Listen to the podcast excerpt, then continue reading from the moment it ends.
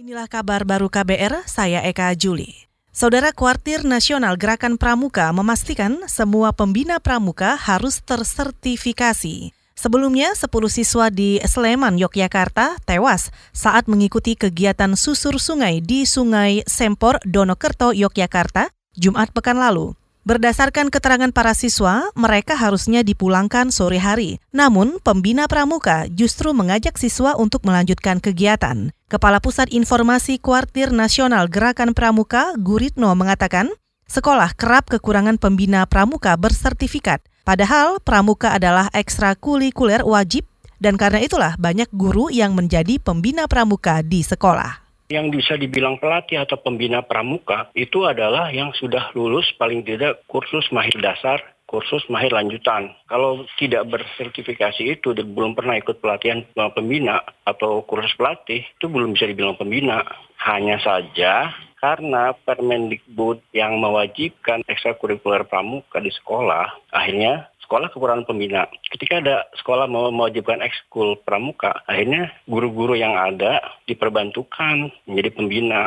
Kepala Pusat Informasi Kuartir Nasional Gerakan Pramuka, Guritno, menambahkan hampir seluruh sekolah di Indonesia kekurangan pembina pramuka yang bersertifikat. Seharusnya Kementerian Pendidikan dan Kebudayaan mengantisipasi hal ini dengan mengikut sertakan guru-guru dalam pelatihan pembina pramuka. Kita ke informasi saham. Indeks harga saham gabungan atau IHSG di Bursa Efek Indonesia pada Senin dibuka melemah 36,11 poin atau 0,61 persen ke posisi 5.846,15.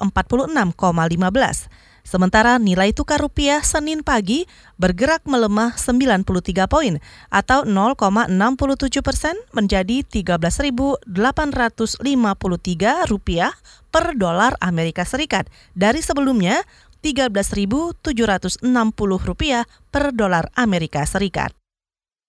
Korban meninggal karena wabah virus corona atau COVID-19 hingga Senin hari ini di seluruh dunia mencapai 2.465 jiwa.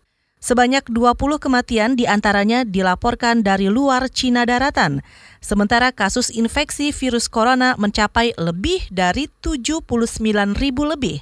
Sejauh ini, lebih dari 1.700 dokter dan suster yang ikut merawat pasien dilaporkan terinfeksi corona, dengan 10 di antaranya meninggal. Selama akhir pekan, Korea Selatan mencatat lonjakan wabah penyebaran virus corona hingga melebihi 600 kasus. Sekitar setengahnya merupakan jemaat gereja di kota Daegu.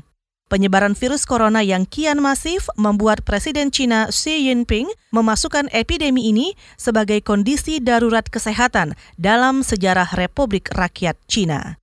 Saudara demikian kabar baru, saya Eka Juli.